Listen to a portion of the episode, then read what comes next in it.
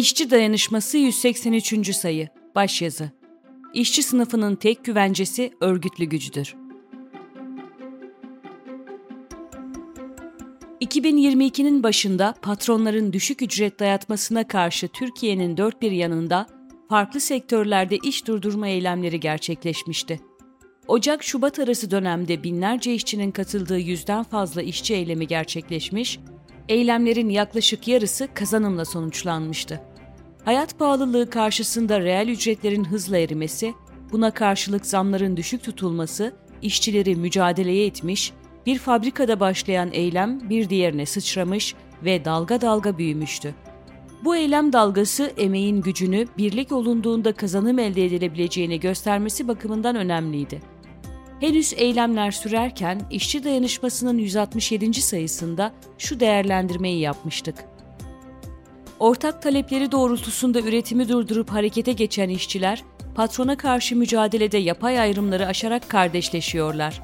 Siyasi iktidarın yıllardır topluma hakim kılmaya çalıştığı etnik, kültür ve inanç temelli kimliklerin aşılması bakımından bu eylemler son derece önemlidir. Fiili grev biçimini alan bu eylem dalgası, kendini haklı gören işçinin mevcut yasaların getirdiği sınırlara takılmadığını göstermesi bakımından da önemlidir. Ancak ücret artışı talebi üzerinde yükselen işçi eylemleri dalgası örgütlü bir temele dayanmıyor. Bir hazırlık ve örgütlenme süreci üzerinde yükselmeyen ve dolayısıyla kendiliğinden gelen bu eylemler büyük ölçüde sendikasız işyerlerini kapsıyor. Kimi sendikalar eylem sürecinden hemen önce veya sonra devreye girmişlerdir. Ama ücret artışı talebiyle başlayan mücadele genel olarak işçilerin sendikalaşmasıyla sonuçlanmış değildir. İşçiler bir mücadele kültüründen ve geçmişin deneyiminden yoksundurlar. İşte bu da başlayan işçi eylemleri dalgasının en büyük eksiği ve zaafıdır. Çünkü fiili grev yapan ve hatta iş yerini işgal ederek patronun karşısına çıkan işçiler, sendikalaşmadıkları ve örgütlülüklerini pekiştirmedikleri sürece birliklerini koruyamazlar. Aynı yazıda önümüzdeki süreçte işsizliğin, hayat pahalılığının, yoksullaşmanın daha fazla can yakacağını, dünya genelinde yaşanan ekonomik krizin Türkiye'deki krizi daha da derinleştirdiğini söylemiştik. İçeride ise siyasi iktidarın politikalarının Türkiye işçi sınıfını hedef aldığını belirtmiş ve şöyle demiştik. Örgütlenmeyen, sendikalarında ve diğer işçi örgütlerinde birleşmeyen, sermaye cephesinin karşısına emek cephesi olarak dikilemeyen işçi sınıfı bu fırtınalı süreçte ağır bedel ödemekten kurtulamaz. O zamandan bugüne geçen bir buçuk yıllık süreçte işçiler olarak örgütsüzlüğümüzün bedelini çok ağır bir şekilde ödedik, ödüyoruz. Elde edilen ücret artışları çok kısa sürede sabun gibi eridi, enflasyon yükselmeye, lira değer kaybetmeye devam etti. Asgari ücrete yılda iki kez zam yapılması da yoksulluğumuza derman olmadı, olmuyor. İş yerlerinde üretim baskısı, işçi sağlığı ve iş güvenliği önlemlerinin alınmaması, fazla mesailerle iş saatlerinin uzatılması, ağır ve yıpratıcı çalışma koşulları canımızı yakıyor. Geçtiğimiz 6 Şubat depremleri ise milyonlarca insanı aynı anda etkiledi, canımızı daha fazla yaktı. On binlerce insan hayatını kaybetti, yüz binlercesi evsiz kaldı. Üstelik depremin yaraları halen sarılmış değil. Mayıs ayında doğalgazın enflasyon sepetine eklenmemesi gibi çeşitli Ali Cengiz oyunlarıyla resmi enflasyon yine düşük tutuldu. Böylece %34 oranında yapılan asgari ücret zammı, emekçilerin enflasyona ezdirilmemesi olarak propaganda edildi.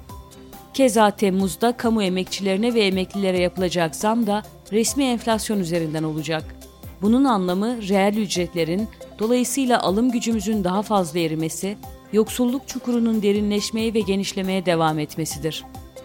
Yılın ikinci yarısı için 11.402 lira olarak belirlenen asgari ücret, açıklandığı gün 482 dolara karşılık geliyordu. Sadece bir gün sonra 32 dolar eriyerek 450 dolara düştü. Yalnızca bir hafta sonra ise 438 dolara geriledi. İlk kez Temmuz'da emekçilerin eline geçecek yeni asgari ücretin daha ne kadar eriyeceği belirsizdir. Kesin olan şudur ki lira değer kaybetmeye, her şeye zam gelmeye, dolayısıyla ücretler erimeye, emekçilerin yaşam koşulları ağırlaşmaya devam edecek.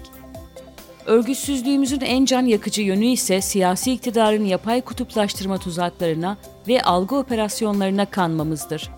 Oysa yapay ayrımları aşarak birlik olduğumuzda neleri başarabileceğimizi 2022 eylemlerinde görmüştük. Şubat depremlerinde Türkiye'nin dört bir tarafından emekçilerin uzattığı dayanışma ile birlik duygumuzu daha da büyütmüştü. Peki bu durum bize ne anlatıyor? Egemenlerin kirli eli ve dili aramıza girmediğinde pekala yan yana gelebiliyoruz, dayanışabiliyoruz, ortak taleplerimiz etrafında mücadele ederek kazanım elde edebiliyoruz. Ama kazanımlarımızı, dayanışmamızı, birliğimizi sürekli kılabilmek için örgütlülüğümüzü sağlamamız gerekiyor. Aksi takdirde burjuva tuzaklara düşmekten kurtulamayız. İşçi sınıfı örgütlü değilse, emek cephesi güçlü değilse işçiler kendi gündemlerinden uzaklaştırılır ve gündemi egemenler belirler. Seçim öncesi süreçte de bugün de olan budur. Bugün kendisine muhalif diyen ekonomistler, yazarlar, siyasetçiler, iktidarın ekonomi politikalarını sermaye cephesinden tartışıyor, tartıştırıyorlar.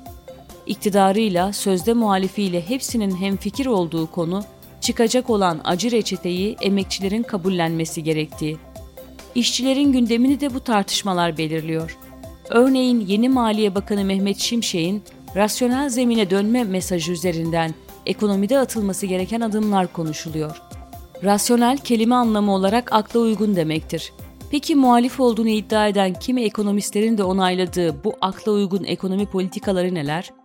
Faizlerin yükseltilmesi, vergilerin arttırılması, işsizliğin artması, kamu harcamalarının yani kamu emekçilerinin ve emeklilerin ücretlerine, sağlık, eğitim ve benzeri kamu hizmetlerine ayrılan ödeneğin azaltılması.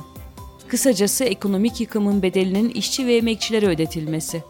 Bu politikalar patronlar sınıfı için akla uygun olabilir ama işçi sınıfı için kabul edilebilir değildir. Gerçeklik buyken işçilerin faizlerin bir anda mı yoksa yavaş yavaş mı yükseltilmesi gerektiğini tartışması akla uygun mudur? Sermayenin gündemi işçilerin gündemi, sermayenin doğrusu işçilerin doğrusu olamaz, olmamalıdır. Esas akla uygun olan şey sermayenin ve siyasi iktidarın kol kola vererek acı reçeteyi bize yutturmak istemesine karşı bizim ne yapmamız gerektiğini tartışmamızdır. İş yerlerinde verdiğimiz sendikalaşma mücadelesinin siyasi iktidardan güç alan patronlar tarafından yasa hukuk tanımaksızın engellenmesine karşı neler yapabileceğimizi konuşmamızdır. İktidarın adalet sisteminin nasıl çalıştığını, bir aile mahkemesi tarafından iş yerinde örgütlenmek isteyen sendikacılara nasıl olup da uzaklaştırma kararı verilebildiğini, haklarını arayan madencilerin ceza almasını, sendika yöneticilerinin gözaltına alınmasını sorgulamamızdır. İktidarın dümen suyundan giden sendika bürokratlarına karşı sendikalarımızı mücadeleci zemine çekmek için örgütlenmemizdir. Kısacası yapay ayrımlar üzerinden bölünmeyi, yapay gündemlerle, yalanlarla oyalanmayı reddederek kendi sınıfımızın çıkarları etrafında birleşmemiz gerekiyor. Bugün işçiler olarak saldırılar karşısında savunmasız olmamızın tek nedeni birliğimizin, örgütlülüğümüzün zayıf olmasıdır. Unutmayalım ki işçi sınıfının tek güvencesi örgütlü gücüdür.